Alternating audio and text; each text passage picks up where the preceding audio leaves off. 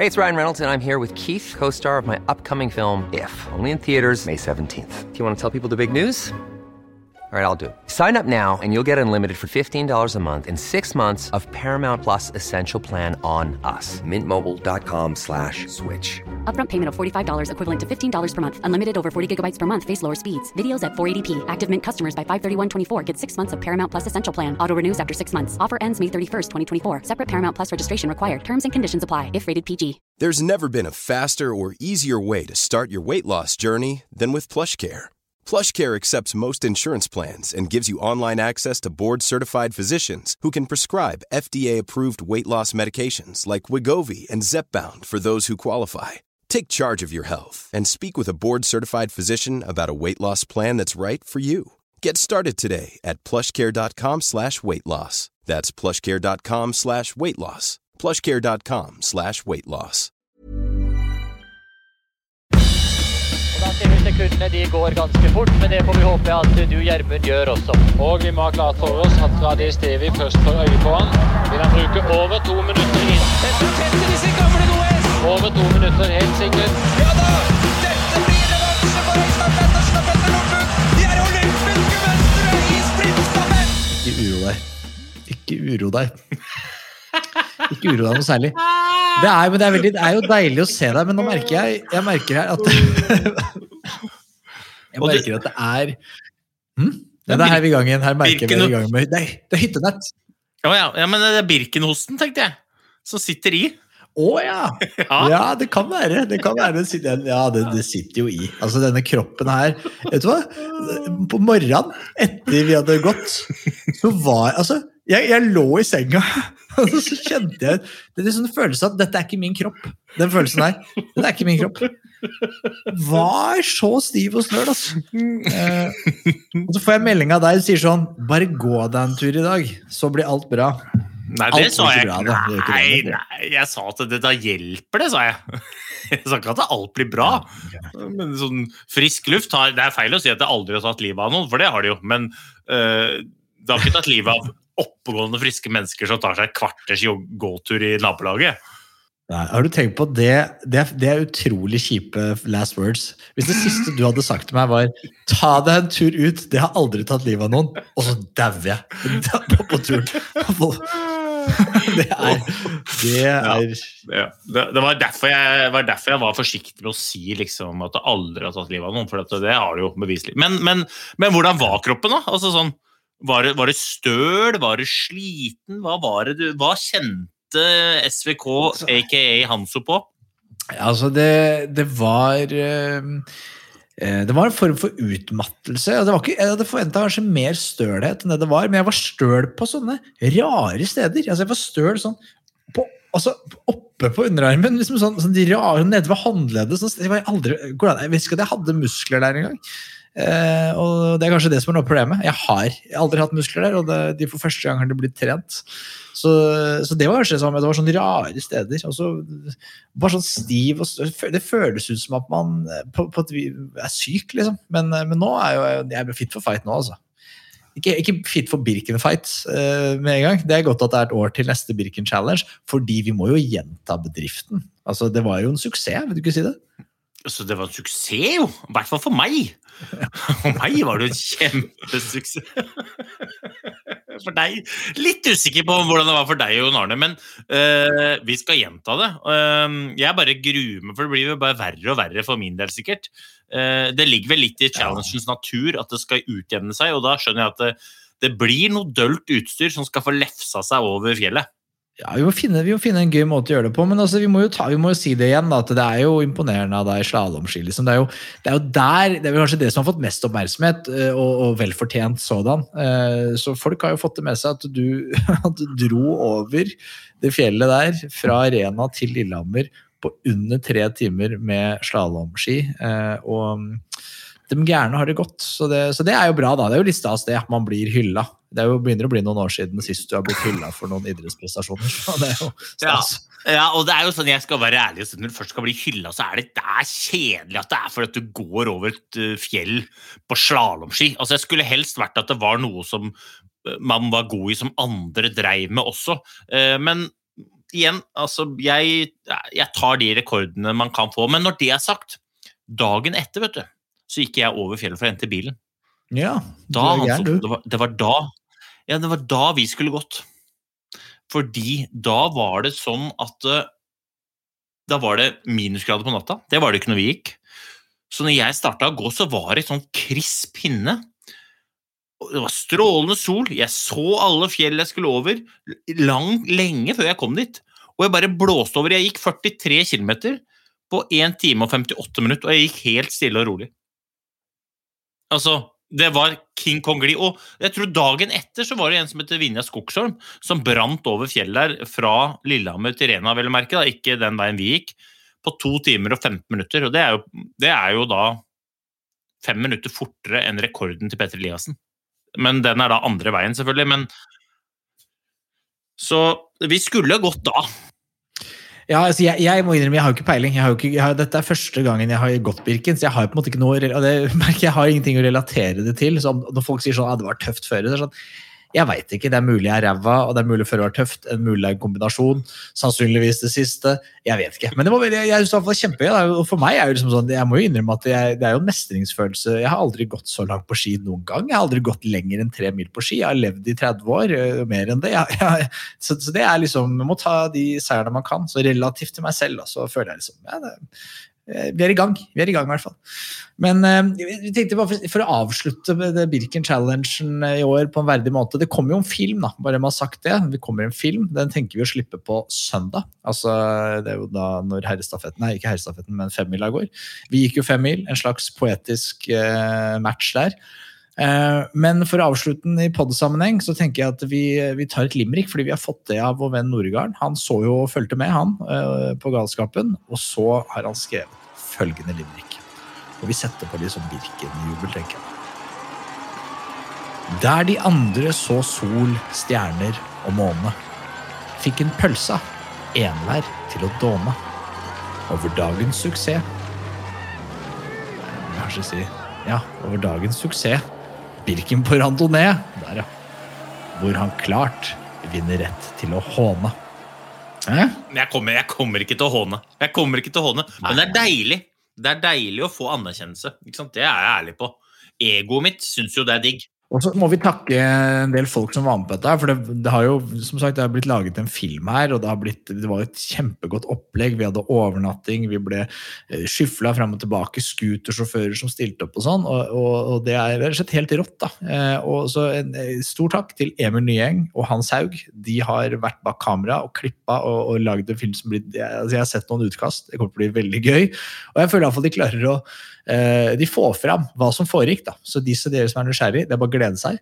Eh, Tone eh, Tone Alterskjær i eh, Visit Sjusjøen, som har vært en slags eh, koordinator, sørga for alt. Tor eh, på scooter, Arne på scooter, Birken, Sjusjøen eh, skisenter, Visit Sjusjøen, Kafé Stasjon for god mat, og selvfølgelig vår gode venn Jon Arne Riise, som gadd å bli med. Det, har jo ingenting å bevise. Altså, fyren har bevist alt eh, som er mulig å gjøre, eh, i, hvert fall i sin sport. Og likevel da, så gidder han. Og han staka seg faen meg! Han staka hele veien altså, på, glatte, på glatte ski. Det er, det er imponerende. da. Mye mer imponerende enn det jeg drev med. Altså, jeg eh, altså Jon Arne Riise, ikke sant, er en fotballspiller, og som du sier, han er merittert til, til halsen. Og han får mye pepper. Mye av det er fortjent, og det er mye fjas. Men det som jeg syns er gøy med Jon Arne, er at under alt det fjaset, under alle de lagene med ulike pakker Pringles og Pepsi Max, så er det jo faktisk en idrettsutøver som er god til å prestere, og som er god til å gjøre de tingene som skal til for å lykkes.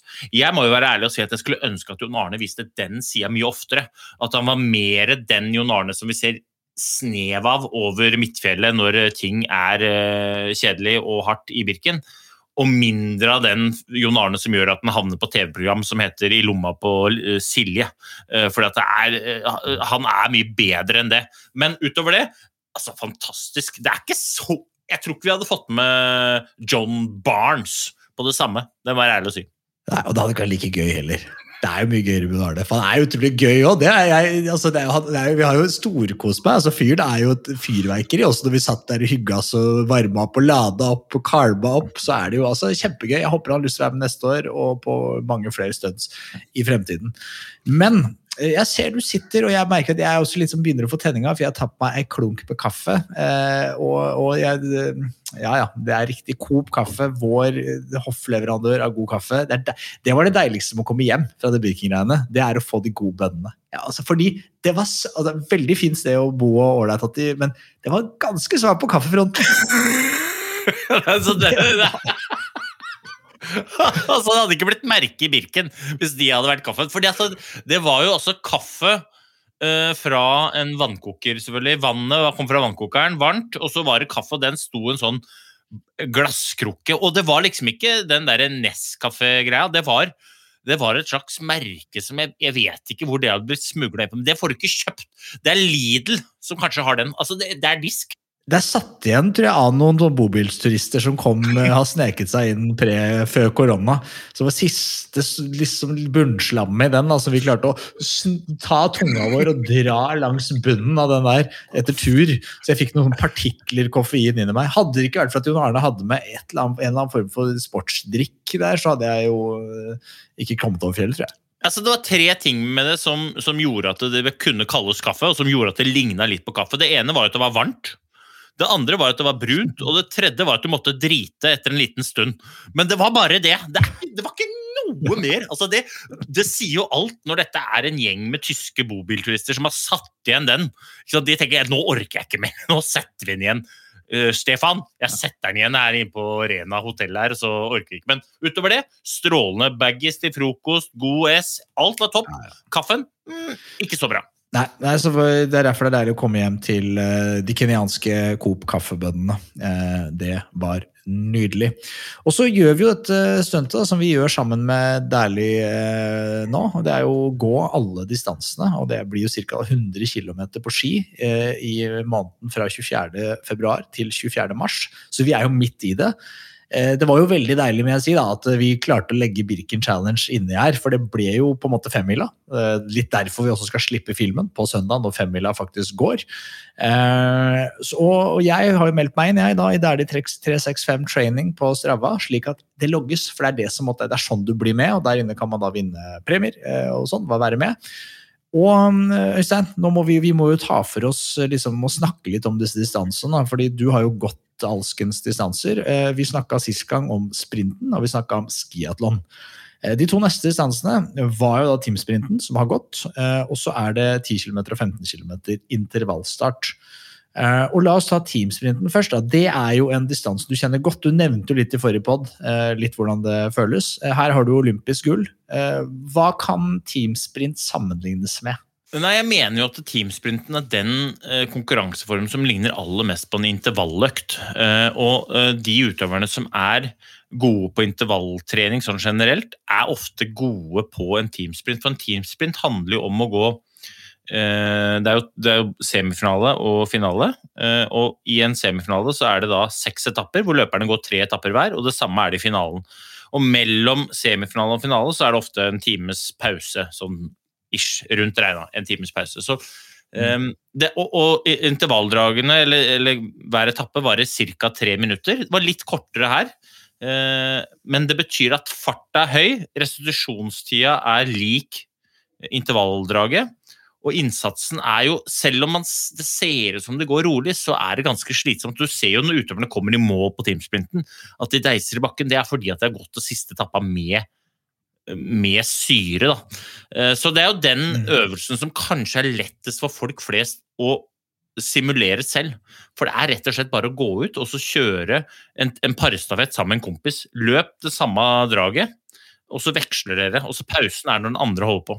Mm. Er det progressivt her? Altså, nå- fordi Det virker jo som at eh, jeg antar det er en første etappe går roligere enn siste etappe. Men jeg har ikke sett på tidene, så jeg vet ikke om det stemmer. Jeg. Nei, altså Ofte så er jo, er jo teamsprinten det er to forskjellige typer løpere. for det, Alle lag setter den beste avslutteren på siste etappe.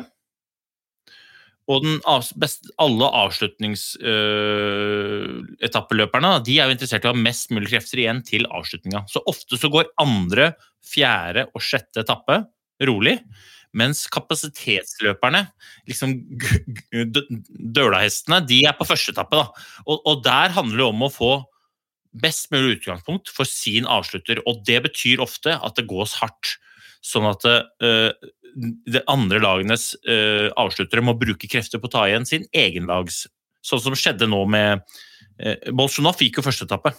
Og han gikk jo knallhardt for å få luke, sånn at Gleb Brettevik kunne gå litt roligere på sin andre og sin tredje etappe. Nå hjalp det ingenting, men det hadde blitt verre hvis Bolsjunov hadde kom, gått lureløp og kommet inn litt sammen med Valnes og uh, Meki.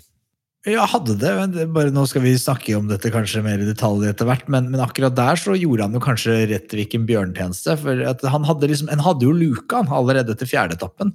Nei, allerede etter, eh, etter sin andre etappe, altså tredje etappen. Som tvang Grettevik til å ta en call. Skal jeg nå bare vente på de andre? Så, eller skal jeg prøve å holde luka? Sånn som Norge gjorde i Falun i 2015 til eksempel. Eh, men ok, la oss bare ta for oss eh, den andre distansen nå. da. Eh, 10 km, 15 km, intervallstart. Eh, altså For meg høres det ut som det verste. For det er jo på en måte litt som tempo i sykling. Der må du jobbe med deg selv, du må jobbe med huet ditt. Du har, kan ikke ligge i rygger, det blir ikke noe lureløp. Det er bare å gå raskest fra start til slutt. Ja, og det, det er jo det I hvert fall i tid, da, så tror jeg det er det, de konkurransene som folk flest har et forhold til. Hvis du løper en 10 km, f.eks., løper et gateløp, så varer det ofte sånn 25-30-35 minutter. Og det er jo den 10 km blir vunnet på 25 minutter, og, og, og 15 km blir vunnet på rundt regna 35. da.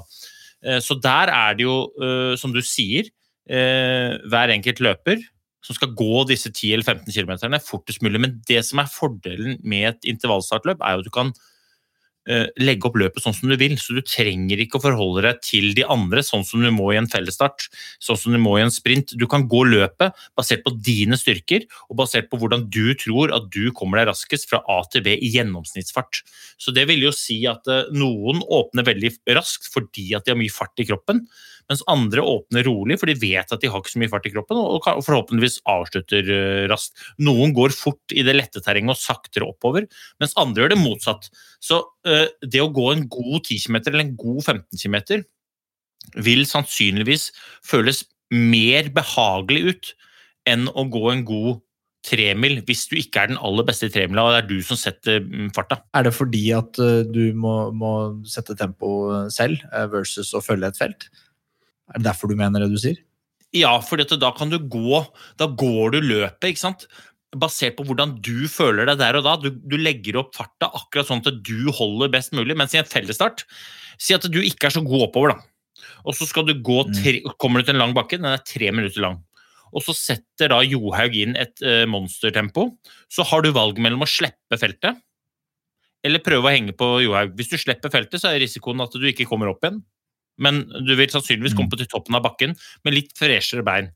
Hvis du blir med Johaug og klarer det, så er jo sannsynligheten til stede for at du når du kommer på toppen av bakken er så stiv at du ikke orker å følge henne videre. Så det er på en måte du må velge, da. Men den slipper du når du går inn i delestart, for da skal du bare komme deg fortest mulig fra A til B, sånn som du vil at du skal gjøre det. Når vi hadde Birken-challengen, så tror jeg at vårt løp hadde blitt helt annerledes hvis vi tre hadde starta likt. Da hadde ikke du klart å åpne så rolig som du gjorde, og heller ikke Jon Arne. Og jeg hadde også sannsynligvis dratt på enda mer enn jeg gjorde. Men nå så, så gikk vi i vårt tempo hele veien, og jeg må jo si med hånda på hjertet at eh, jeg tror aldri jeg har disponert Birken bedre enn jeg gjorde nå. Fordi at jeg hadde, ingen, jeg hadde ikke noen Petter Eliassen eller Martin Sundby eller Andreas Nygaard å forholde meg til. Jeg gikk i mitt tempo, og jeg gikk fort der hvor jeg veit at jeg er god, og så bremsa jeg litt i terreng hvor jeg veit at jeg er dårlig. Og så førte det til at jeg gikk fortest mulig fra A til B. Mm, mm. Ja, det er interessant. Det, det er jo litt det å spille på styrkene sine, egentlig, og det er det muligheten til der.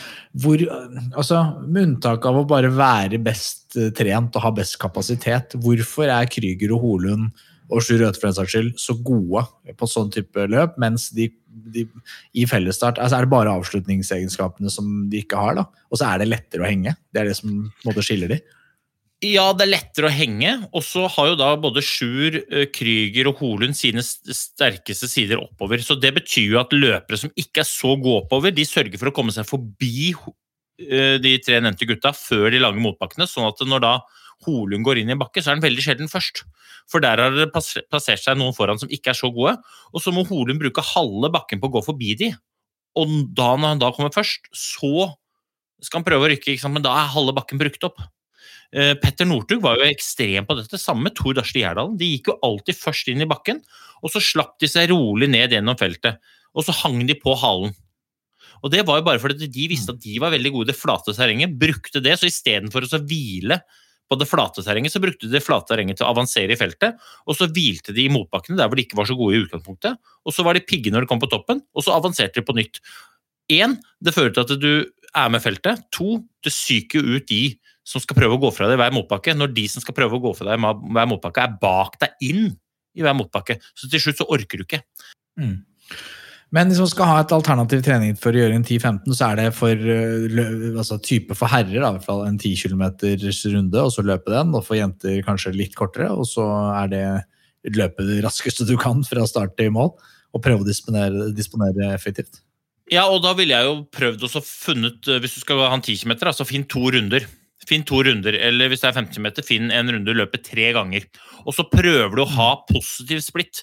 Prøv å løpe de to rundene med at den andre runden er bitte litt raskere enn den første. I hvert fall ikke noe dårligere, for da vet du at du treffer på farta, og du vet jo at eh, du vil godt løpe sånn som de aller beste gjør. Da. For du ser Johaug, hun åpner jo. Hun åpner hardt, men hun åpner ikke med, arm, med hodet under armen. Og så avslutter hun sånn at hun vinner med 54 sekunder. Mm, mm. Hva, eh, mitt inntrykk er at den form for liksom tempoøkt eller sånn konkurranseøkt, det gjør man veldig lite i treningsøyemed. At det er, det er veldig sjelden at du på de beste da, på landslaget har 15 km, og så bare nå skal vi gå all out fra start til mål. Eller er det bare jeg som har et feil inntrykk? Nå kjenner jo ikke jeg til uh, treninga sånn 100 da, men jeg gjorde nesten aldri det. Vi hadde jo testløp, men, men utover det så hadde vi ikke det. Men det vi gjør, er at vi legger intensiteten et knepp ned, og så holder du kanskje på et kvarter lenger. Og så går du for å få flyt, flytfart, liksom. Altså det, er, det er hardt, men ikke så hardt at du blir kjempesliten. Og grunnen til det er jo litt fordi at det koster mye mellom øra. Altså det er hardt å presse seg. Det er vondt å presse seg. Selv om Joaik sier at hun liker smerte, så jeg tror hun også er skrudd sammen sånn at hun liker det bedre eh, med litt mindre smerte, men hun er god til å presse seg. Eh, Så jeg tror det er de to tingene, og så er det jo restitusjonstida som er viktig her òg. Én ting er hvor, eh, hvor mye skal du ta i på treningen, en annen ting er hva slags effekt er du skal ha treninga, og er, hvor mye koster den treninga av den treninga du må gjøre i morgen. Så hvis du må liksom justere hele tiden, for du trener så innmari hardt på mandag, så du må nesten ikke trene på tirsdag, så tror jeg på sikt man taper på det. Så, så det er derfor de ikke så ofte har sånne konkurranser. Og hvis du hadde gjort det hele tiden, så tror jeg at du hadde gått i den klassiske høstsmellen, at du har trent litt for hardt på høsten, og så går det veldig bra helt til det stopper. Ja, og det drar oss jo inn i VM. Det har jo vært eh, VM nå en del dager. Første distanse så vi jo ikke helt live, men vi så jo sprinten sammen, så det har vi jo dekka i en annen pod. Men, eh, men så på lørdagen så var det jo skiatlon. Eh, og, og liksom, vil du, hvis man skal ha et nøkkelord for VM så langt, så er det vel egentlig temperaturen. Eh, for det er jo varmt der nede. Ja, jeg så det i dag. Så. Jeg satt og så på 10-meteren, og det, der var det altså en amerikaner oppå toppen av den lengste bakken i Oberstdorf. Da har jentene gått seks-sju uh, kilometer, og de siste 800 meterne de har vært ganske bratt oppover. Og Der sto han med en liten sånn der glass vann og kasta på Sadie Bjørnsen. jeg var sånn uh, Det så ut som ikke. det var du d'Huez.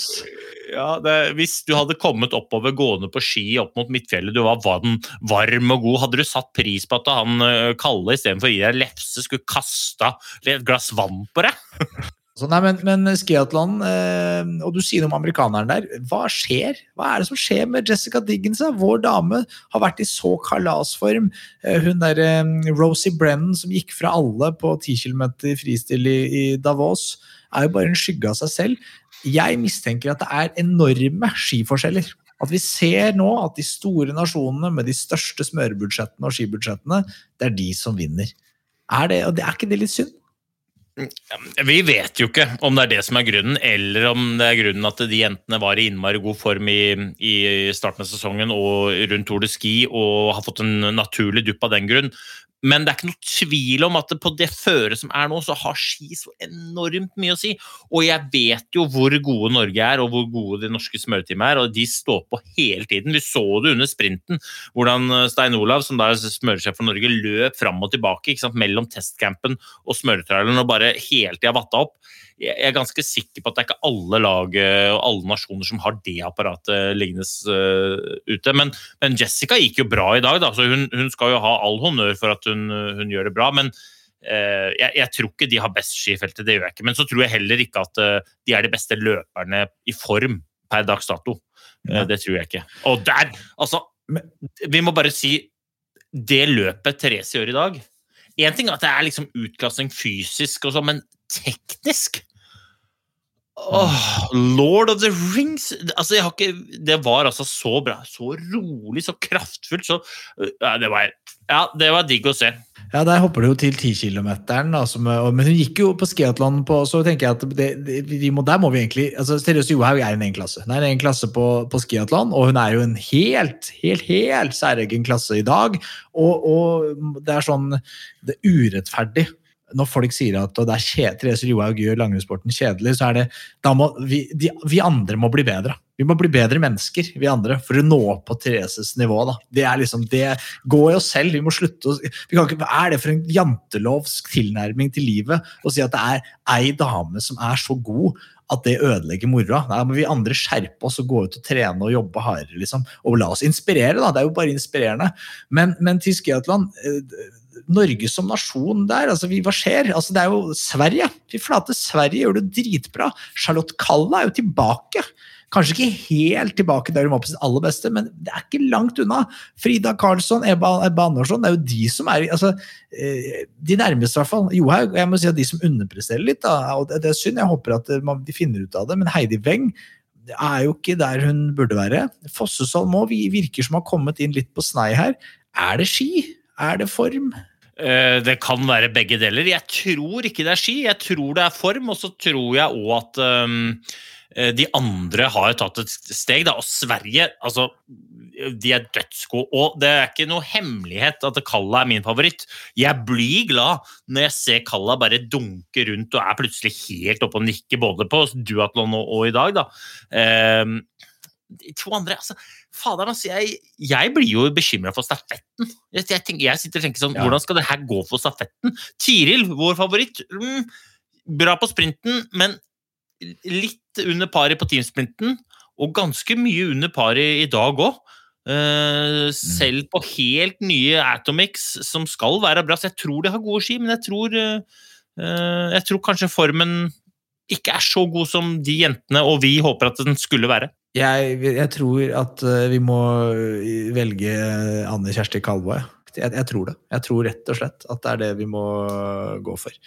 Eh, men, nei, nei, men Sverige gjør det bra. Frida Karlsson er jo i, i tilbake i form. Det er veldig gøy da. Det er veldig gøy at hun har funnet den formen. Hun har jo slitt litt, det har jo ikke vært helt stang inn. Hun har jo liksom drevet med noen hangups, og det, ting har vært litt sånn off. Og så er det et eller annet med Ebbe Andersson og Frida Karlsson. Det virker ikke som de er bestevenninner. Eh, og det sier vel Torgeir Bjørn på TV at de er Han sier mye rart. Hva er Torgeir Bjørn? Han sier, altså På sprinten er det noe sa at, at, de går med lue fordi at det kjøler ned. Hva, hva er det for noe? Er det, er det vitenskapelig? Sannsynligvis ikke. Eh, det er mye rart. Ja, det ja, jeg er enig, men eh, ja, så Frida Karlsson og Ebba Andersson jeg tror ikke de er de beste vennene. men Det tror jeg handler om at begge to er vant til å være best. De er vant til å være ledestjernen, og så nå er det to. Og de kniver seg imellom, så de holder et profesjonelt forhold. Ikke bestevenner. Eh, og det er synlig og veldig lett å se, spør du meg. Jeg syns òg det er artig da, at, um, at uh, Frida og Therese de var enige om at uh, det var ingens feil at Frida kjørte på skia til Therese. Det var ingens feil. Eh, det er bare sånn som skjer. Eh, det, nei, det, ja, nei, det er race accident, og det, ja, det er sånt som hender. Det, ja, det er sånn som hender når man kjører på den andres ski, men uh, det gikk veldig Det skapte jo spenning. Og, og så du òg, Ebba var ikke, var ikke vond å be om å sette opp speeden. Nei, hun gikk jo rett i, Og det var da jeg tenkte hm, Her er det, Dette er en interessant form for lagtaktikk. for Hvis jeg var lagkaptein, og dette har vi snakka mange ganger før, eh, og dette er hele den landslagsmodellen som er tullete for det, du, får ikke den teamfølelsen. Altså Hadde dette vært privatlag, hadde det vært mitt lag, da, så hadde jeg sagt at ikke pokker. For det viktigste er at dette laget vinner gull. Og da, går ikke, da må vi ha to hester i spill, ikke én. Da går ikke du fra når lagvinninga di faller ned. Da er det noen andre som får ta den jobben. Men eh, ja, det er ikke, jeg vet ikke, vet ikke hvordan de holder på. Det virker som at de har en litt annen filosofi når de driver med den landslagsmodellen. Jeg skulle inn og snakke om Linn Svan, ja, eh, som, eh, som underpresterer. Jeg bare kom på det jeg kom på det her. Fordi Vi skal snakke mer tenker jeg, Maiken om stafettlagene, men Linn Svan var jo på en måte for en dronning hun har vært og i de siste sesongene og hittil i sesongen. Og så får hun liksom stang ut på sprinten, og det virker som at det liksom går litt ordentlig innpå henne. og Jeg vet ikke om det er at hun selv sier ifra at mentalt er litt off, eh, så jeg vil si fra meg plassen på, på teamsprinten, men, men, hun får jo da ikke gå teamsprinten heller. Eh, og så, så mister hun plassen sin på 10 km. Jeg vet ikke om det er noe hun altså det, er, det er litt lite info her, men hva tror du? da? Nei, jeg tror ikke smilet går rundt på rommet til Linn Svan. Det, det, det, tror jeg ikke. Det, jeg har vanskelig for å se at dama som vinner tapper i Tore Ski, liksom, og ikke smiler da. Smiler nå, eh, med mindre hun er gæren. Eh, men jeg, jeg, jeg er helt Med mindre du står på hendene. da smiler hun. Men jeg er helt sikker på at hun hater situasjonen. Altså, Jeg er så overbevist om at hun går rundt nå og Uh, prøver å snu det, prøver å holde humøret oppe, men innerst inne Eller jeg tror hun er ganske god til å kommunisere til omverdenen at uh, livet er litt dølt akkurat nå. Så jeg, jeg, er jo innmari spent på om hun får gå stafetten eller ikke. Jeg vet ikke. Uh, men per dags dato så tror jeg ikke det, da. Og det åpner jo opp litt for Norge, men så har jo Norge Vi har jo litt problemer sjæl, så det er jo ikke noe givet at mm. det at det løser seg. Men apropos det du sa med, med, med intern splid i laget. Jeg har jo lagt merke til at det, er jo litt strid internt i, i, rekkene til både Kramer og Velbe der òg. Altså, Bolsjunov, når, når Gleb Rettevik ligger i målområdet og spiser melkesyre, uh, så er det liksom ikke Bolsjunov borte og klapper på, på skuldra. Da står han baki der og nusser dama si med munnbind og bare sier 'dette er Gleb, ass, for en, for en fjasete fyr'. Og, og, det, og, det, samme skjedde jo med jentene. Hun der ene satt jo i målområdet og grein, og så bare kikka du litt bortover på kameraet. Der satt jo andre og grein men de grein ikke sammen. De grein hver for seg, og de grein liksom litt mot hverandre. Nei, det, det russiske laget det, det er, Jeg følte ikke vi ble så mye klokere. Vi, han Kramer jabba jo vei, og det var så mye detalj, det var lag det var, Men jeg fikk jo ikke den juicy info vi ville ha. Vi får ha han, ha han på igjen og, og, og, stille han enda mer til veggs. Eh, fordi jeg skjønner ingenting av Russland. Nei, men det er én ting med Russland som vi ikke kan uh, unngå å nevne, og det er Aleksandr Bolsjunov. Altså, for en tremil! Han drar altså hele veien, og han smadrer på slutten. Og du vet hvor gode de fem norske gutta er, og så bare Nei da, men det går fint. Jeg bare drar hele veien, og så kan du, Holund, dra litt i siste bakken, og så bare moser jeg deg på slutten. Det går helt Altså, shit pommes frites for en skiløper. Og når jeg er inne på det, teamsprinten til Klæbo Jeg tror aldri, inkludert Petter Northug, inkludert eh, Bjørn Dæhlie, inkludert Jeg tror aldri jeg har sett et rykk som har vært mer imponerende. Jeg tar, jeg tar, jeg tar ikke av meg hatten, for det orker jeg ikke, men jeg er altså så imponert. Det er kunst! Det er kunst! Ja, altså Johannes Høsfold Klæbo også er litt, litt, det samme som Therese Johaug, egentlig. at det, det, det, er litt en egen idrett han driver med i sprintlangrenn der, er det ikke det? Det er, det er litt, det er som, er sånn, for, Selv for meg, da, som ikke kan noe faglig her om god teknikk, kan se med det blotte øyet at den fyren her driver med noe annet. Altså, jeg har ikke sett noe maken. Altså, ting er at han uh, tar igjen Gleb Brettevik med 4,5 sekunder. Gleb Brettevik er en god sprinter. Men når han tar han igjen, så bare liksom ligger han og lufser bak i 12 sekunder. Brenner ut på høyre side, og så sier bare og det er sånn slags stigningsdrag i den siste bakken, og det blir liksom 40 meter! Det, sånn, det blir ikke fire meter, det blir 40 meter på ikke noe! Og hvis du ser på det klippet i reprise Altså, for en framdrift! For en arbeidsøkonomi, og for en kraft! Og altså, uh, Arild Monsen, Norges sprinttrener, han er veldig opptatt av rask retur. Altså at armene skal tas raskt tilbake igjen. Mm. Jeg tror egentlig det er Klæbo som har funnet på det, for at det er rask retur i praksis. Altså, shit pommes frites! Jeg, jeg, jeg, må se det igjen. Jeg blir så glad når jeg bare tenker på det. Jeg Du blir kåt. Du blir kåt, du, altså. det er ikke langt unna. Det er ikke langt unna.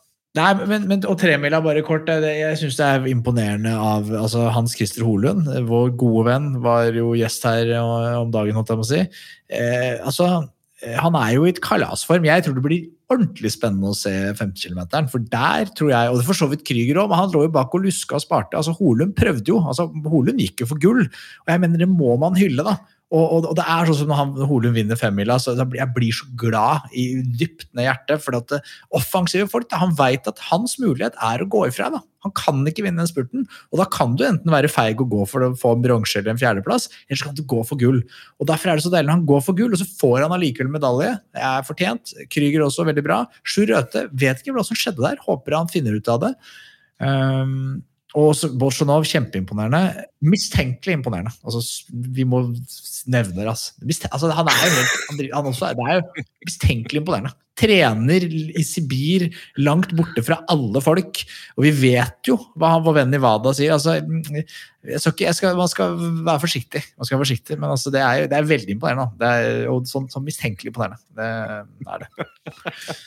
Ja, jeg har lov. Jeg har lov. Jeg har ikke bindinger. Jeg, jeg, jeg, jeg kjenner ikke noen. Jeg har ikke Jeg er enig i at det er mistenkelig imponerende. Eh, Men, men har, det er ikke første gangen at uh, reine folk har gått eh, fortere enn deg og meg. Så, så vi, vi får jo tvilen får kommende tiltakelse til gode. Men, men det hadde eh, Jeg håper at den er rein, og så håper jeg at den bare trener veldig bra borte i Sibir. Eh, Men, men, men apropos Sjur, da. Jeg tenkte at han gikk litt næringstom. Altså. Jeg vet ikke, jeg har ikke snakka med Sjur, men jeg tenkte det så nesten ut som han bare Uh, gikk næringstom, rett og slett. Eh, ikke sikkert det skjedde. Kanskje vi kan finne ut. Det er jo en oppgave, det. Det er en oppgave. Eh, Og til Bolsjunov, det med treninga hans, det er mange som spør om det. Og det er, er, faktisk så skal jeg være forsiktig med, skal ikke, skal ikke, skal ikke spekulere med jeg, da, men at han, det at han trener litt unikt, det tror jeg man har hørt noen rykter om at han har kortere drag på intervallene sine.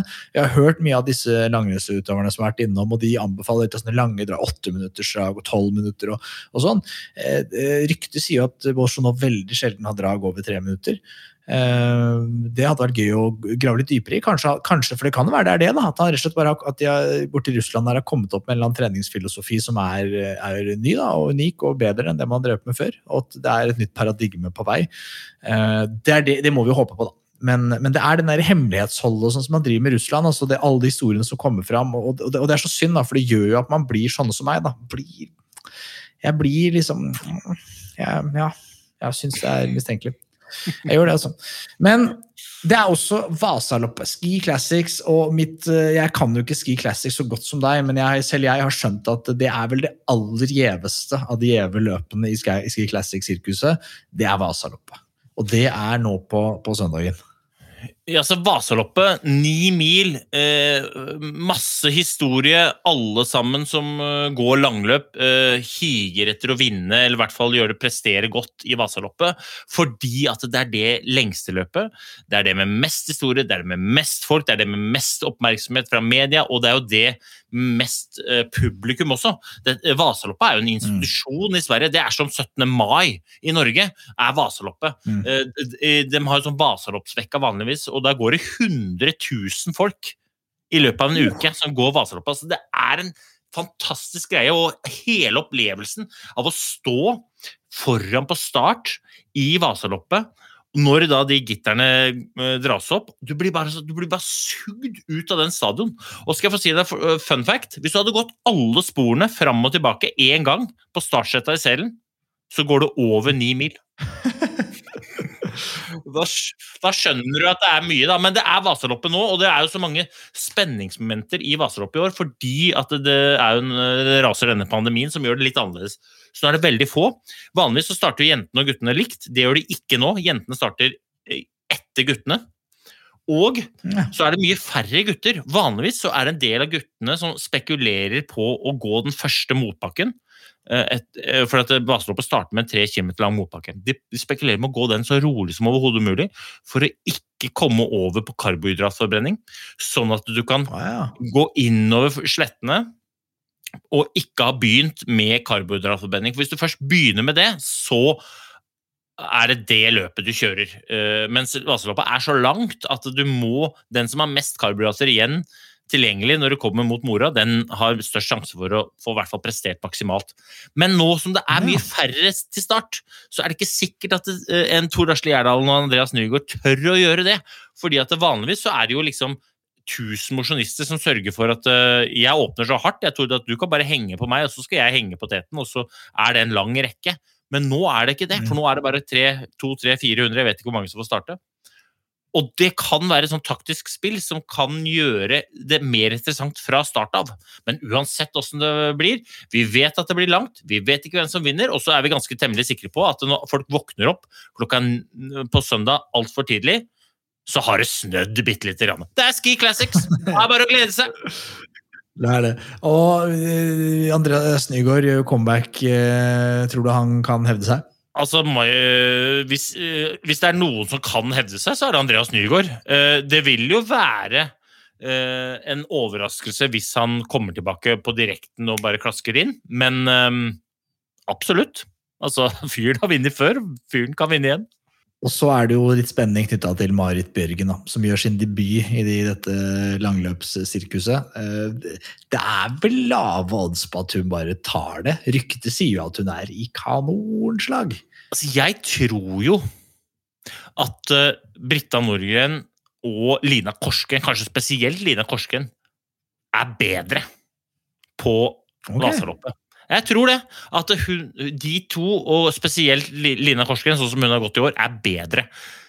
Men det sier jeg bare fordi jeg- vet jo ikke hvordan Marit Bjørgen ville gjort det. Det vi vet, er at det er ikke bare å hoppe fra verdenscup og inn i langløp og gå. Og det får vi svar på på søndag. Men hvis du skulle valgt én tradisjonell skiløper som kunne gjøre det, hoppa inn og vunnet, så hadde jeg valgt Marit Bjørgen. Men jeg, jeg tror nå at eh, Lina Korsgren kommer til å vinne. Jeg gjør det. Ja, Det blir spennende å se. Vi skal eh, få besøk av en eh, gjest som har kommet seg nettopp kommet seg hjem fra Oberstdorf, der hun gjorde det ganske så bra. Kjempestas for oss at vi har fått besøk av, eller skal få besøk av, Maiken Caspersen Falla. Vi har fått besøk Øystein, eh, hele veien fra Oberstdorf. Det siste hun sa da hun eh, dro fra Oberstdorf, som jeg hørte, i hvert fall, det var nå trenger jeg litt fri. Nå må jeg Ikke noe langrenn, ikke noe skiprat. Og da farer hun direkte inn i en telefon fra gamle Pølsa Pettersen med 'bli med og snakke noe ski på pod'. Bli med på det, Maiken. Maiken Kaspersen Fala, kjempehyggelig at du gidder å titte innom og snakke litt ski med oss. Det setter vi veldig pris på. Jo, det er bare hyggelig. Gøy å bli spurt. Ja, men det er bra. Hvor, hvor er du nå? Er det, er det hjemme? Men hvor er hjemme om dagen? Eh, akkurat nå er jeg hjemme på Lillehammer. Jeg kom i går og er i karantene. Så det er rolige dager. Det er deilig. Det er deilig. Du er, originalt så er jo du ikke helt fra samme hugg som meg, da, men når man er, liksom, er fra landet, så blir jo eh, distanse Er, ikke, du- er du fra Fettsund? Ja, jeg er fra Ja, ja. Det er en stund siden jeg har bodd der nå, da. Eh, Jeg flytta da jeg var ja, rett før jeg fylte 16 år. Men eh, ja. ja Så fort du jeg- kunne si. Så fort jeg kunne, så reiste jeg til Holden. Men Det eh, er mange som har prøvd. Jeg har jo fortsatt litt familie, og jeg er jo innom Fettsund i jula og litt sånne ting. da. Ja, ja. Mm. Nei, men det er ikke, det er ikke dumt, det. Nei, men, eh, nei, men Så du er i, du er i karantene eh, på Lillehammer. Og det, men eh, vi må, jo, vi må jo snakke om ting som har skjedd nå nylig. Du, du gjorde jo drita bra på sprinten. da. Altså Det gratulerer med, med sølv. Det er klart, Når du er vant til å vinne gull, så blir jo sølv liksom Ok, greit, artig, tar med meg. Men, men det er jo, med tanke på oppkjøringa her, så er jo det helt vanvittig imponerende. Ja, altså Det var på en måte eh, Det begynte å gå litt skeis utover i, i, i høst. da, at det, Jo flere hardøkter man hadde, så jo bare dårligere ble det. Så var jo veldig usikker eh, på når jeg skulle få gå skirenn. Eh, og når det blei eh, Når alt ble avlyst òg, så passa det egentlig meg veldig bra. Jeg hadde lagt en plan, la vel egentlig planen kanskje i november allerede, at det, det er VM som blir viktig i år. Satse all in på det.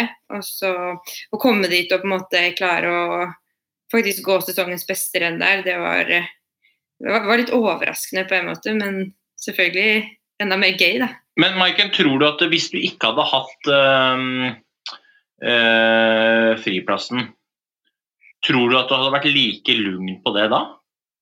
Eller var det lettere å gjøre noe som du visste at du skulle gå? Eh, det var selvfølgelig lettere når jeg visste at jeg skulle gå. Jeg, det har på en måte vært Det har jo vært kamp om plassene, og vi har jo fått beskjed om å eh, prestere på de renna som har vært. Da. Så eh, det er klart at, eh, at det ga veldig trygghet å ha den, den friplassen. Tror, tror du du hadde klart å prestere så bra som du gjorde hvis du ikke hadde hatt det? Vanskelig spørsmål, selvfølgelig, men eh, sånn Jeg er ganske sikker på at det var viktig for meg på å få den, eller at jeg hadde friplass, og jeg tror ikke det hadde gått så bra uten den. Eh, Jeg fikk på en måte veldig frihet, også både Norgescupen på Lygna, NM og så Falun, da, som var de rennene jeg gikk før VM, at jeg fikk veldig sånn eh, hva skal jeg si, Jeg fikk ikke noe press på meg til å prestere. Eh, kjenne på det at man er nødt til å bli tatt ut av de nervene der, og jeg på en måte kunne legge en god treningsplan. Da. Det tror jeg var helt det hadde selvfølgelig var kjempeviktig. Altså det å klare å Man ikke har gått skirenn på lenge og vært så usikker på formen, og så klare å ja, reise på Norgescup og reise til NM uten at uh, man har noe press på seg, men på en måte er der bare for å uh, gå så fort man klarer for seg selv. Da. Uh, og også det å kunne tørre å fortsette å trene for å holde formen oppe. Da. Men nå føler jeg jo egentlig at jeg har trena hele år og nesten ikke gått noen konkurranser. Det kjenner vi oss igjen i, Anso. Men eh, når var første gangen du tenkte liksom, eller kjente at eh, ja, men nå begynner det å smake litt fugl? For jeg traff jo deg eh, litt bare noen dager før eh, dere reiste ned. Og da, du, selv om du ikke sa det, så kommuniserte du med hele deg at eh, nå er ting ganske bra. Ja, altså det begynte jo på en måte altså Framgangen begynte egentlig kanskje sånn rundt ja, midten av desember. Da Da merka jeg på noen sånn IT-økter og litt sånn at eh, kroppen svarte. At det i hvert fall det gikk an å presse seg litt. da. Eh, Men egentlig, altså det var jo kanskje de siste ja, eh, hva skal jeg si, to-tre ukene før VM at jeg virkelig kjente på at, eh, at formen var der. da. Eh, altså Jeg hadde hatt ganske mange tunge treningsøkter, og så plutselig så ble det jo skikkelig vinter og fint vær, og så tok jeg meg selv i at jeg kosa meg på trening igjen. Eh, hadde det, hadde det veldig fint på samling, hadde lyst til å gå mer når eh, økta egentlig var over. og La meg om kvelden glede meg til jeg skulle ut på ski og gå tre timers i sola. Så da merka jeg jo at det, det her eh, mm, det her begynner å ligne på noe, da.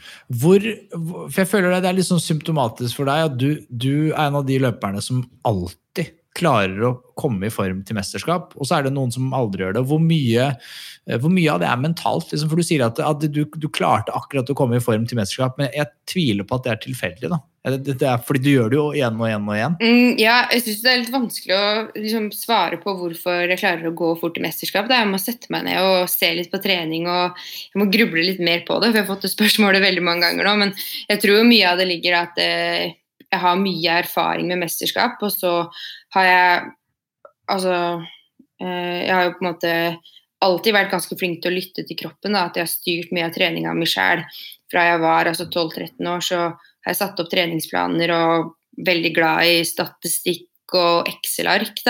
At at det kanskje hjelper meg nå. Er veldig glad i treningsdagbok òg. Liksom, eh, noen vil kanskje si at eh, Eller jeg kan jo få litt kritikk for det, men jeg er veldig liksom, glad i å bikke de runde tallene. Liksom, og 80-90 blank, liksom. At, det, at jeg er veldig der. Men det har på en måte gjort at jeg har fått en veldig god oversikt over hva jeg har gjort. Eh, og eh, at jeg veit litt hva som skal til. da. Og så I tillegg når man har fått prøvd seg mange ganger, så har man forskjellige maler på høydeoppladning og skal jeg kalle det slitenoppladning, eller hva enn det skulle være. da.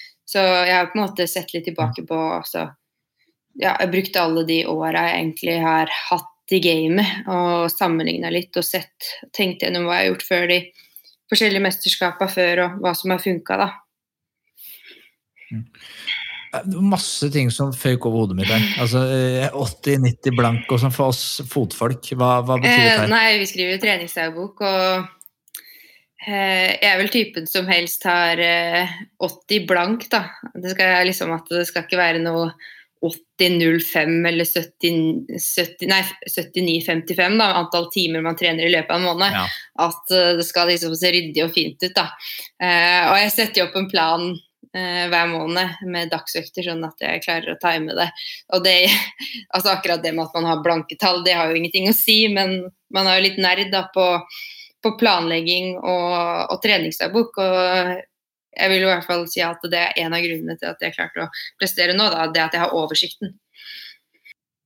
Ja, for, dette her er, er veldig spennende, og det er fordi at eh, Sorry, jeg bare, det er så fascinerende. for at eh, Man hører jo om eh, de, Det er noen utøvere som er som det, som du sier som er veldig sånn Det er boka og Øystein, mitt inntrykk at du var sånn da du gikk. Det var veldig du gjorde det skulle gjøres, uavhengig av hvordan kroppen kjentes ut.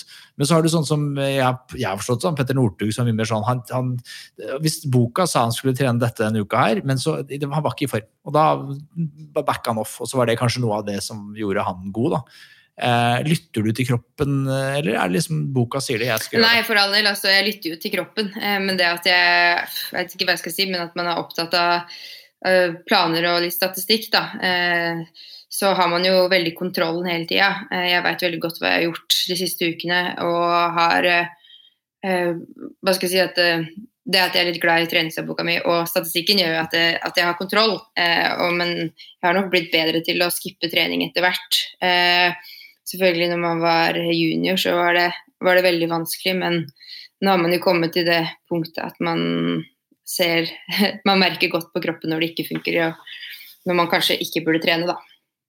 Men det er alltid kjedelig å ikke få, få komme opp på det treningsteamet man skal, da. Men man står bedre i det nå enn når man var yngre. Eh, Et spørsmål Marken, som jeg syns er gøy. Da, fordi at eh, i, i, I år så har det jo altså, De svenske har vært så innmari gode, ikke sant. Eh, og vi har jo latt oss litt frustrere av det. Men, men så er det jo òg litt artig, for at det, blir så mye sånn, Det er jo blitt en slags liten sånn beef der nå mellom dere og Sverige. Hvor mye irriterer du deg over de svenske? òg? vær litt ærlig nå, liksom. Helt seriøst. Hvor digg syns du er at Linn Svan liksom ikke får det til helt? Nei, jeg vet ikke helt hva jeg tør å si, for de melder jo så hardt tilbake.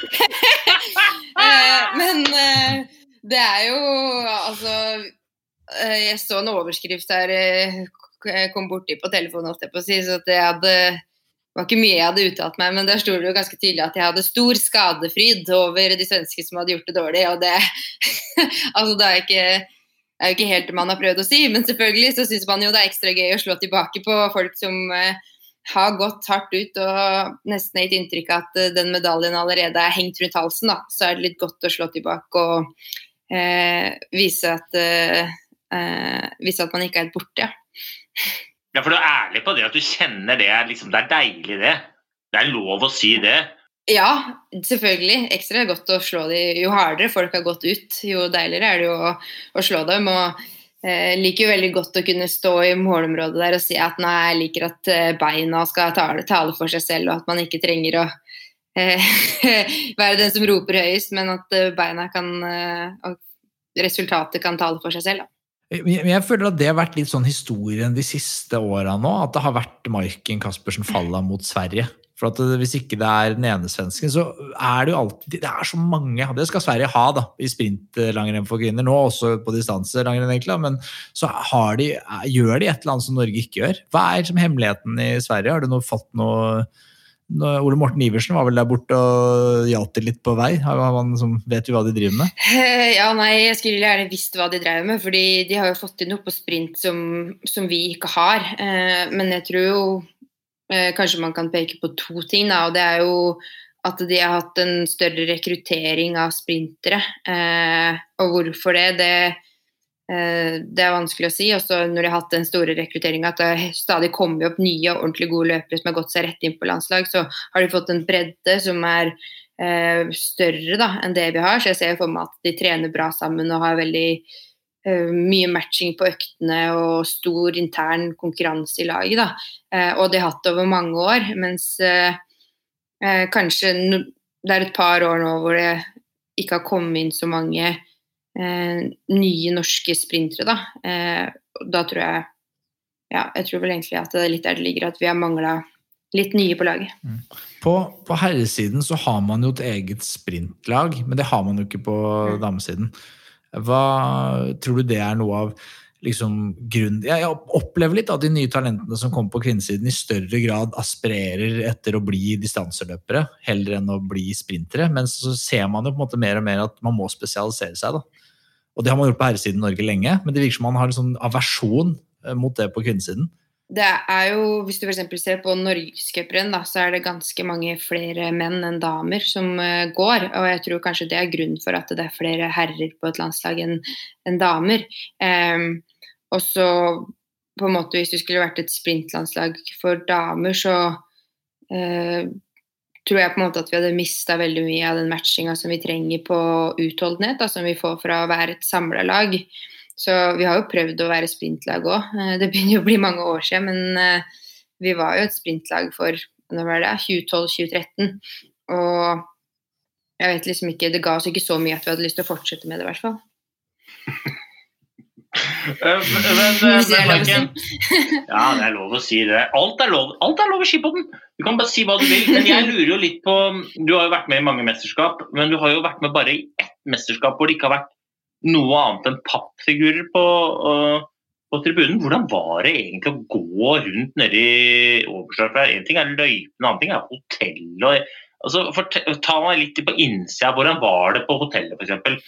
Kunne du vase rundt der, eller var det sånn at smørerne var for seg selv? Hvordan var det? Mm, Nei, altså, Vi hadde jo på oss eh, Med en gang man går ut av rommet, så må man sette på seg munnbind. Og den eneste gangen man får lov til å ta det av, er hvis man skal spise. Eh, Vi hadde faste plasser i spisesalen. Eh, Jeg satt da på bord med Heidi Weng og hadde ryggen til egentlig alle de andre. Eh, Så det var på en måte Altså litt det sosiale eh, blir jo borte når du må spise med ryggen til de andre. Og så sitter man jo med veldig stor avstand. Eh, ja. Skal forsyne oss med mat, så er det først antibac, og så er det på med plastikkhansker for å forsyne seg. Mm, så vi føler vi har levd ganske strengt. Og vi har tatt koronatester da, eh, annenhver dag. Eh, for det var vel et av kravene som arrangøren hadde da, for at vi i det hele tatt skulle få, få arrangert. Mm, ja. Og det første man gjør når man våkner om morgenen, er egentlig å skanne den akkrediteringa si, og så må svare på spørsmål da, om man er frisk, om man har noen symptomer. da. Um, og så er det jo tillegg den der at uh, man har jo, ja, man har jo vanligvis pleid å kunne hatt besøk av ja, sånn som eh, mamma og samboeren hennes. De har jo pleid å komme nedover og kunne stikke innom hotellet og slå av en prat, men sånne ting har jo vært helt uaktuelt i år. Men, men, men du delte rom med Heidi Weng også, siden du delte bord, var det sånn? Nei, vi delte ikke rom. Eh, Vi hadde vært vårt, eh, vi hadde alenerom, da. Vi eh, bodde alene begge to, så da havna vi på samme bord, da. Så nå sitter Heidi alene. Ja, men hun sitter med ryggen til de andre Nei, nei ryggen, hva skal jeg si, riktig vei. Hun, sitter, hun, hun ser de andre, så jeg tror det, det går nok bra, altså. Men uh, vi hadde da, bare sånn for å si det, så hadde vi, vi hadde et ekstra stort bord, da, så vi hadde større avstand mellom oss enn hva med de som bodde på rommet hadde. da. Ja. Og på stadion Uh, nei, det er jo eh, Der følte jeg kanskje ting var litt mer normalt sånn i smørområdet. Uh, men den største forskjellen er jo kanskje at du må gå med munnbind, og det er jo ingen publikum.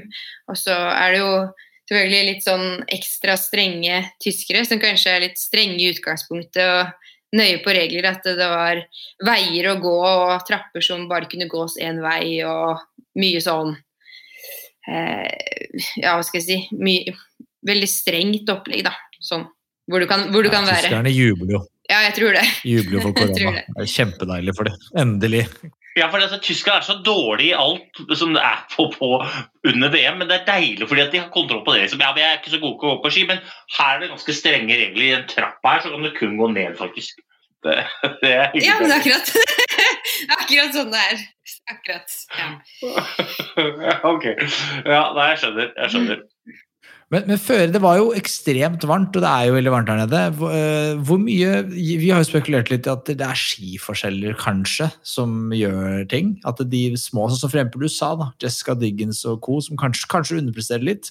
Er det fordi at de har en kiosk, smørekiosk, og ikke en smøretrailer? Er det det som gjør det? USA har vel smøretrailer, de. Men jeg tror jo, jo, altså, jo varmere det er, og jo blautere snø det er, jo større skiforskjeller er det. Eh, det har man jo sett mange ganger. Så det er det jo ikke noe å legge skjul på. Så kan det hende at eh, eh, Hva skal jeg si At de eh, Det kan jo forandre seg utover òg. Eh, men Norge har jo et enormt opplegg med slipere og eh, smørere og testere og, og, alt som er, da. Så vi har jo på en måte alltid ganske gode ski. Mens for de andre litt mindre nasjonene så kan det nok svinge litt mer. Men de skiene du gikk på, var dem liksom, ble de slipt opp der nede? Eh, eller var det et gammelt par som du hadde, og som du visste det var en, var en Sandberg slip? Eller har norske smørerne funnet en slip? Eh, Ronny, har han funnet en superslip for Oberstdorf, liksom? Jeg vet ikke hva som er altså Det er ikke sånn hemmelig, det her.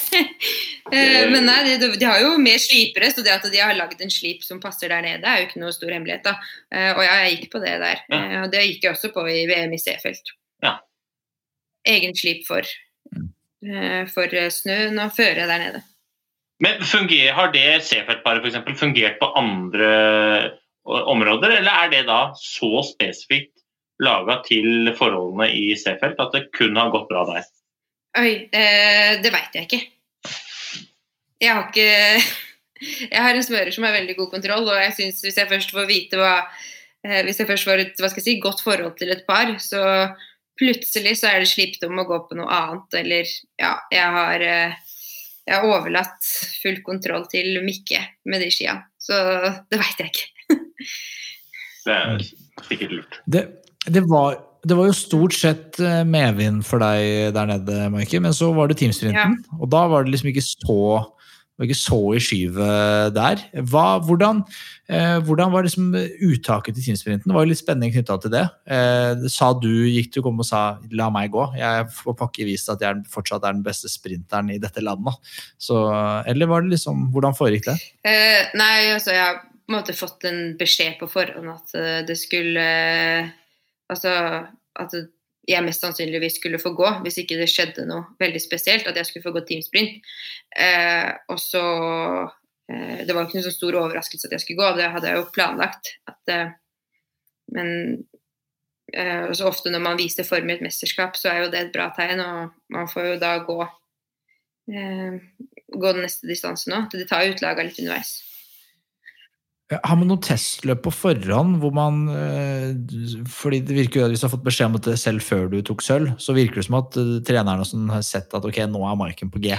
Så her er det bare å Ja, og så så du på en måte litt på rutine òg. At det er jo Jeg har vel aldri gått et uh, ordentlig dårlig mesterskapsløp eh, før søndag, da. Eh, eller på ti år, da. Var ikke dårlig. Eh, ja, jeg vil si at jeg ikke levde helt opp til mine forventninger til meg sjøl. Men eh, jeg syns det var veldig vanskelig å forutse, fordi jeg følte meg bra. Eh, jeg følte meg bra lenge. Så jeg blir på en måte litt overraska når kroppen ikke skal fungere sånn som jeg hadde håpa på. Men sett litt sånn i etterpåklokskapen, da, så har jo jeg spesialisert meg nå veldig inn mot den klassisk sprinten. Og de aller fleste økter det siste altså Siden jeg kunne begynne å trene ordentlig fra desember der, så har jo alt dreid seg om klassisk sprint for min del. Så jeg skulle nok uh, hatt mer, ja, mer fokus på skøyting. Hvordan kjente du det at det liksom ikke var helt oppe å spille, og når var det du begynte å kjenne det? Um, oi, godt spørsmål. Altså, jeg merker det, merker det, jo egentlig i semifinalen at uh, kroppen ikke svarer. At uh, det var, kjente meg egentlig litt sånn som jeg følte meg i høst at uh, man har lyst til å gå fort, men det er bare et eller annet som skjer at, uh, man, at kroppen sier rett og slett bare nei, det går ikke, da. Um, og så merker jeg jo i final, finalene der at jeg syns det drar seg til litt fort. Jeg vet hvordan man går en bra teamsprint, og da går man gjerne første halvannen runden i hvert fall i relativt flytfart og klarer å holde følge, men jeg måtte virkelig jobbe for det, og jeg syns at det, at det kosta allerede for mye allerede på første runden der. Mm det er ikke noe gøy å stå der da, liksom. For er, du vet At kverna bare skrus til mer og mer, og så vet du at du må gå alt du kan. Og så vet du at det er mange som sitter og håper at dette skal gå kjempebra og gå veien. og Det er, det er ikke noe god følelse. Nei, det var ikke noe god følelse. Det var en Altså, jeg tror jeg aldri jeg har gått på liksom Hva man kaller det, gå på en smell. Altså i et skirenn eller altså på en sprint noen gang. Jeg har aldri vært så, så tom da, som jeg var ute på den siste runden der. Eh, så det var jo på en måte en ny erfaring som man helst ikke skulle hatt. Men i hvert fall, vi syns jo du tok det veldig bra. Altså, det er, man kunne jo ikke tatt det bedre. Jeg føler når du, når du først går sånn, så er du veldig sånn eh, Det er fristende å oppføre seg som Bolsjunov eh, sikkert i etterkant, og være sur og sint på alle andre enn seg selv. Istedenfor var du sånn Iris våre ris, da. Dette var det beste jeg hadde, og sånn er verden, liksom. Vi, vi må forholde oss til det. Uh, og det syns jeg det, det er deilig. Det er bra.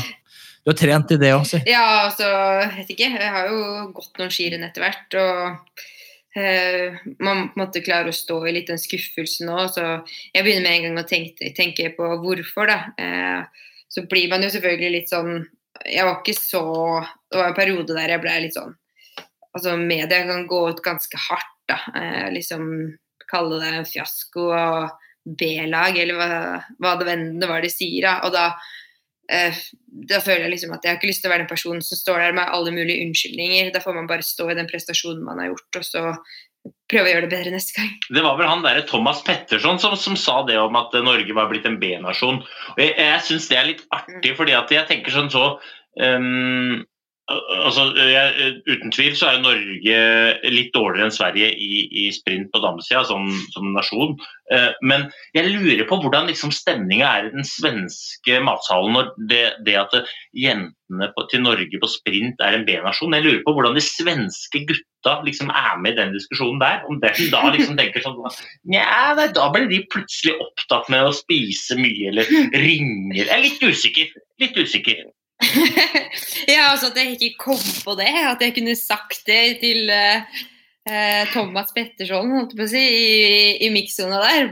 Det hadde jo vært fantastisk deilig. Men jeg ble konfrontert med hans uttalelser, og han hadde jo ikke Han så jo ikke på meg engang. Jeg tror han skjønte kanskje at det var litt drøyt. Eller jeg håper i hvert fall det. Ja, hvor raskt er det dere leser eh, presse... Altså, her, her, blir du bare konfrontert med et intervju, kanskje, så du, liksom, du rekker ikke å se det engang? Eller er, du, er, det, er man raskt på Instagrammen og raskt på nettaviser, liksom? Uh, nei, det er jeg absolutt ikke. Man får jo høre det meste, egentlig. Altså, I hvert fall da, sånn svensketyn og sånn. Uh, det hører jeg i hvert fall gjennom media selv. Altså sånn, De snakker til meg og forteller det.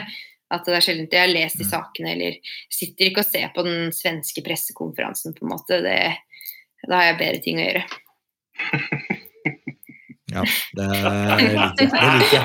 Da har vi bedre ting å gjøre. Og en av de tingene som er bedre Det er deilig. En av de tingene som er bedre, det er og spekulere litt. For det er jo noen distanser igjen, og det som er så deilig for deg nå, du er ferdig, da. du har gjort ditt, kommet hjem med medalje. Deilig, job well done. Nå er det bare å spekulere og synse. Det syns jeg er veldig gøy. Elsker det. Jeg er så glad i det. Eh, og, og, i morgen, eh, vi spiller dette inn på tirsdag, tirsdag, og da har det vært tirsdagsmøte friteknikk for kvinner. I morgen er det 50 km friteknikk for menn. Hvem er det som ja, jeg elsker at du spør meg, for det jeg har sagt nå ja. i noen år i hvert fall. At bare gi meg 10-15 år år, og så skal jeg bli ekspert, og da skal det yes. Det gleder jeg meg til. Da skal ting eh, bestemmes. Nei, hvem som Eller da skal jeg bestemme for, eh, resultater på forhånd og dømme hardt. Ja. Veldig hardt skal jeg dømme. ja, knallhardt. Ja. Eh, nei, hvem som vinner i morgen. Eh, selvfølgelig jeg håper på de norske og syns at eh, eh, både Simen og HC viste jo veldig veldig bra takter opp den langbakken på, på skiatlonen. Eh, nå har jeg ikke satt meg helt inn i om de skal gå hele den da, eh, i morgen. Men jeg tror at de har, har gode sjanser opp der. De er jo ekstremt gode motbakkeklatrere, så jeg satser litt på de. Så det blir spennende å se hva Martin kan få til òg. Jeg er litt ekstra spent på det. Ja. Altså, mitt uh, tips er HC, altså Hans Christer Holund. Han, jeg tror at uh, når, han, når ikke det, folk kan få hengt på han i de bakkene der, da tror jeg det er vanskelig. Eh, Så jeg tror han er i Jeg tror han tar det. Eh, Så vi er jo litt enige der. Og jeg håper også det. Jeg håper også, han, fortjener, altså, han fortjener alltid å vinne. Eh, Og så er det gøy, da. Det er veldig gøy om Martin, altså, Det hadde vært dritgøy hvis Martin Johnsrud Sundby bare kommer ut av intet nå. Bare tar Ja, det er derfor jeg nevner det, for det hadde vært fantastisk. Men, men hvordan har Martin vært der nede, Maiken? Altså, Martin har jo vært, Vi har ikke sett den annet enn i en TV-serie. Hvordan har Martin vært der nede? Har han vært blid og positiv, eller har han vært på rommet? eller har han vært, Hvordan har han vært? Mm, han satt ganske langt unna meg i matsalen. Ja, Du satt med ryggen til. Så det er jo begrensa. Ja. Men altså, jeg syns han virker som eh, ja, gode gamle seg. Eh, At han har, virker som han har lagt en altså det jeg har hørt i hvert fall, at han har lagt en god plan nå og satser alt inn mot, eh, eh, inn mot VM nå. Det er jo litt det samme som jeg gjorde, så håper jeg at, eh, at det lykkes for hans del. Da. Det blir spennende. Det har vært gøy. Eh, Så, torsdag, da gjør vi liveshow i Trondheim. Øystein, det må vi, det, jeg tror det nesten er utsolgt, så de som, eh, de som ikke har fått det med seg, det- sjekk det ut. Kom, vi håper å se alle. Vi gleder oss å se alle. Det kommer til å bli baluba. Frode Estil kommer, Thomas Northug kommer, Øystein kommer. Eh, det blir dritbra. Men det skjer noe annet på torsdag òg. Det er jo stafett for damer, eh, og det er jo vidåpent. Hvem er det som vinner den, da? Spør du meg? Og hvem Spør går? du meg? Jeg spør alltid deg. Uh, ja, uh, altså jeg har jo sett de svenske. De har jo prestert veldig bra på distansen nå, da, både med Ebba Andersson, Frida Karlsson og Charlotte Kalla, ikke minst. Eh, De har jo hatt gode renn nå. Så setter de inn en av klassisk-sprinterne på første etappe, så tror jeg det skal bli knallhardt. Men altså, Norge på stafett eh, skal jo eh, Skal ikke avskrive det, men akkurat sånn som det ser ut nå, så syns jeg det ser litt skremmende ut med tanke på Sverige. Så jeg tror det kan bli en, uh, bli en thriller. Men hvem får gå, Maiken? Altså, De tok jo ut laget, og da uh, Du kan jo ta det du, Hanso. Men vi er litt usikre nå på om vi har tatt ut rett lag, eller, Hanso? Ja, vi er vel det. Det er vel noen der som ikke Ragnhild Haga har jo brått godt seg inn på laget i dag. Altså, så det er jo Det kan være du veit noe nå, Maiken, som ikke vi veit. Men jeg ville jo tenkt at de skal se dagens renn før de tar det ut. Og jeg vet ikke. Ehm, jeg tror de kommer til å ta ut de som har vist best form. Eh, rett og slett. Nei, nå har jo Ragnhild vist veldig bra form, da, for eksempel. Så derfor tror jeg kanskje at hun melder seg på en av tappene. Ja, men Går Heidi, En Heidi. Weng ut, da? Uh, nei, altså, jeg syns det er kjempevanskelig. Uh, Heidi har gått mange gode renn denne sesongen, her, så det er jo vanskelig å skulle hva skal jeg si, avskrive òg, men hun har gått mange bra uh, førsteetapper, og det er jo, hun er veldig trygg på det. Eh, nei, så jeg er glad jeg ikke har Ola og Omi nå som skal sitte. Vi fikk en melding her på at, eh, at de syntes det var vanskelig å gjøre et laguttak, så Ja. det tviler jeg ikke på. Heidi Weng satt jo også ryktet sier at hun sitter på det kule bordet i matsalen eh, nede i Oberstdorf der. Det kan jo spille henne god, selvfølgelig. Eh, ok, vi, vi bare hopper glatt over damestafetten. Herrestafetten, den, hvis ikke Norge vinner den, da snubla vi kan, altså Norge vinner jo herrestafetten på truger. Altså, det er jo bare å, å få det på. Ja, vi lar alle Nå så jeg for meg Johannes her, jeg bare På truger. Nei Nei, det, jeg syns det er så vanskelig å uttale seg om, om det der. Altså, ofte så syns jeg trenere at de eh, har litt annen tankegang enn meg også på, på uttak. Da. At det er vanskelig, vanskelig å spå hva de, hva de tenker, og de har ofte mer å legge til grunn enn det som vi veit. Altså, de veit eh, Eh, vet jo hvordan alle har følt seg på distansen og litt hvordan hva skal jeg si, hvordan pila peker på mer enn bare de konkurransene. Kanskje det har vært ting vi ikke har fått med oss i konkurranser, kanskje det har vært noe dårlig ski, eller det har vært noe uhell, eller ja, ting som vi rett og slett ikke har fått med oss. da. Mm. Ja, og så er det tremil på lørdag for eh, damene. Mm. Det er vel ganske lett, det der. Jeg tror jeg satser på at Therese tar det. Hva, hva syns du om løpet i dag, eh, Maiken? Hva syns du om løpet til Therese i dag? Altså, jeg syns det var helt ellevilt. Jeg. sendte melding til Therese og bare sånn Jeg tror ikke jeg har sett noe nesten råere løp noen gang. De andre, de, altså samtlige, de ser kokt ut eh, opp de bakkene. Eh, sliter med varme, og det er treigt føre, og det ser bare egentlig ganske fælt ut å gå for veldig, veldig mange, da. Eh, men Therese hun holder jo koken hele veien og bare, ja, bare kjører på. Så jeg tror det er et av de råeste løpene jeg har sett av Therese. At eh, det her var et fantastisk bra. Det var etter boka. Ja, ja. Ja. Men pallen, tror vi at For det, jo, det begynner jo å utkrystallisere seg at det er på en måte Det er på en måte et fast Det er, sånn, det er distanse i kvinnelangrenn. Ja, det er bare fram med, fram med resultatet. Det er jo samme. Vi bare tar fram gamle resultatlista, og så bare får vi opp. Det er Therese, så er det Frida Karlsson, og så er det Ebbe Andersson. Og så. Ja, altså Man skal jo passe seg. altså Alt kan jo skje. altså Det er tre mil det skal gjøres på. så ja, Spenninga lever jo helt til de har kommet i mål. Det er jo litt viktig å få fram. Men altså, sånn som, altså jeg syns Frida Karlsson nå imponerer i dag. Hun går for gull. Eh, knallhard åpning og uredd type, da. Så eh, jeg tror nok Therese skal eh, må gå noen kilometer i hvert fall før hun klarer å kvitte seg med henne. Men kan det være kanskje det største spenningsmomentet? At enten Ebba eller Frida prøver å henge på Therese og henge på litt for lenge, bli kokt og bli tatt igjen av gruppa bak? Mm, ja, det tror jeg fort kan være et scenario. Sånn som jeg ser det, da. Eh, men altså, de kan jo klare å henge også. Og så er det spenning med de skibyttene. Spenning med de skibyttene.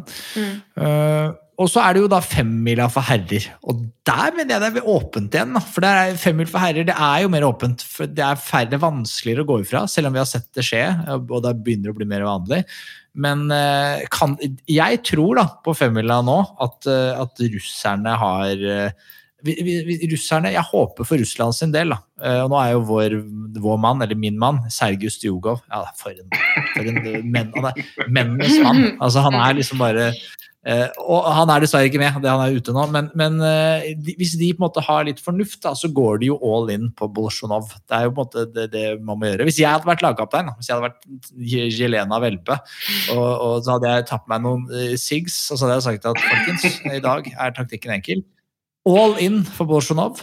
Eh, og det innebærer at dere skal, hvis nordmennene prøver å gå, skal dere bare taue det remmer og tøy kan holde.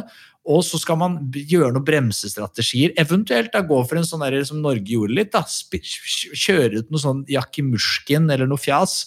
Og, se, og, og, og slite ut Holund og, og Krüger og, og co. da. Og så håper jeg da Norge er gode nok, det er smarte nok til at ikke det må, altså Jeg føler det ofte er Holund som ender opp med å taue inn.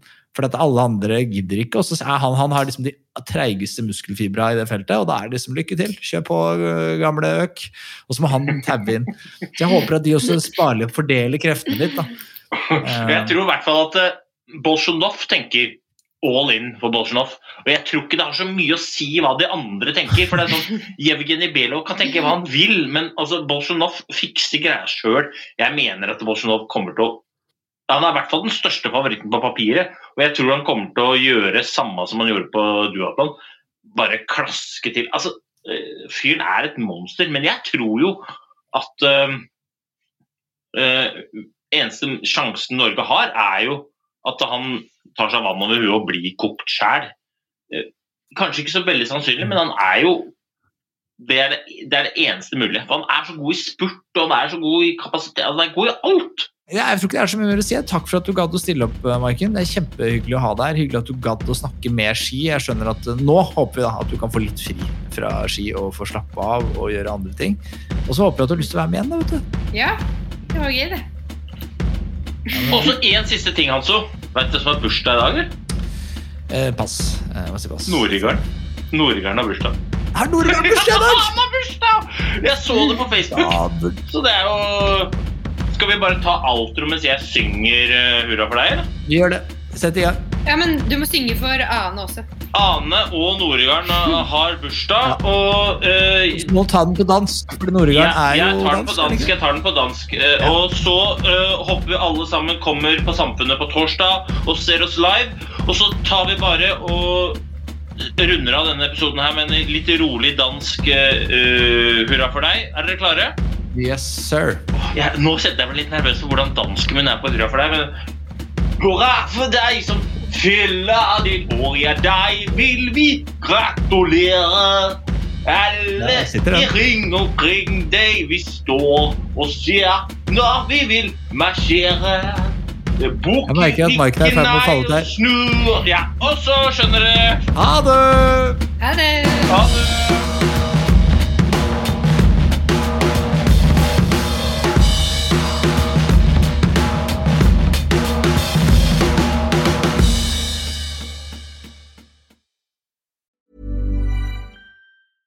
Imagine the softest sheets you've ever felt. Now imagine them getting even softer over time. That's what you'll feel with Bowl and Branch's organic cotton sheets. In a recent customer survey, 96% replied that Bowl and Branch sheets get softer with every wash. Start getting your best night's sleep in these sheets that get softer and softer for years to come. Try their sheets with a 30-night guarantee. Plus, get 15% off your first order at bowlandbranch.com. Code BUTTERY. Exclusions apply. See site for details. Planning for your next trip?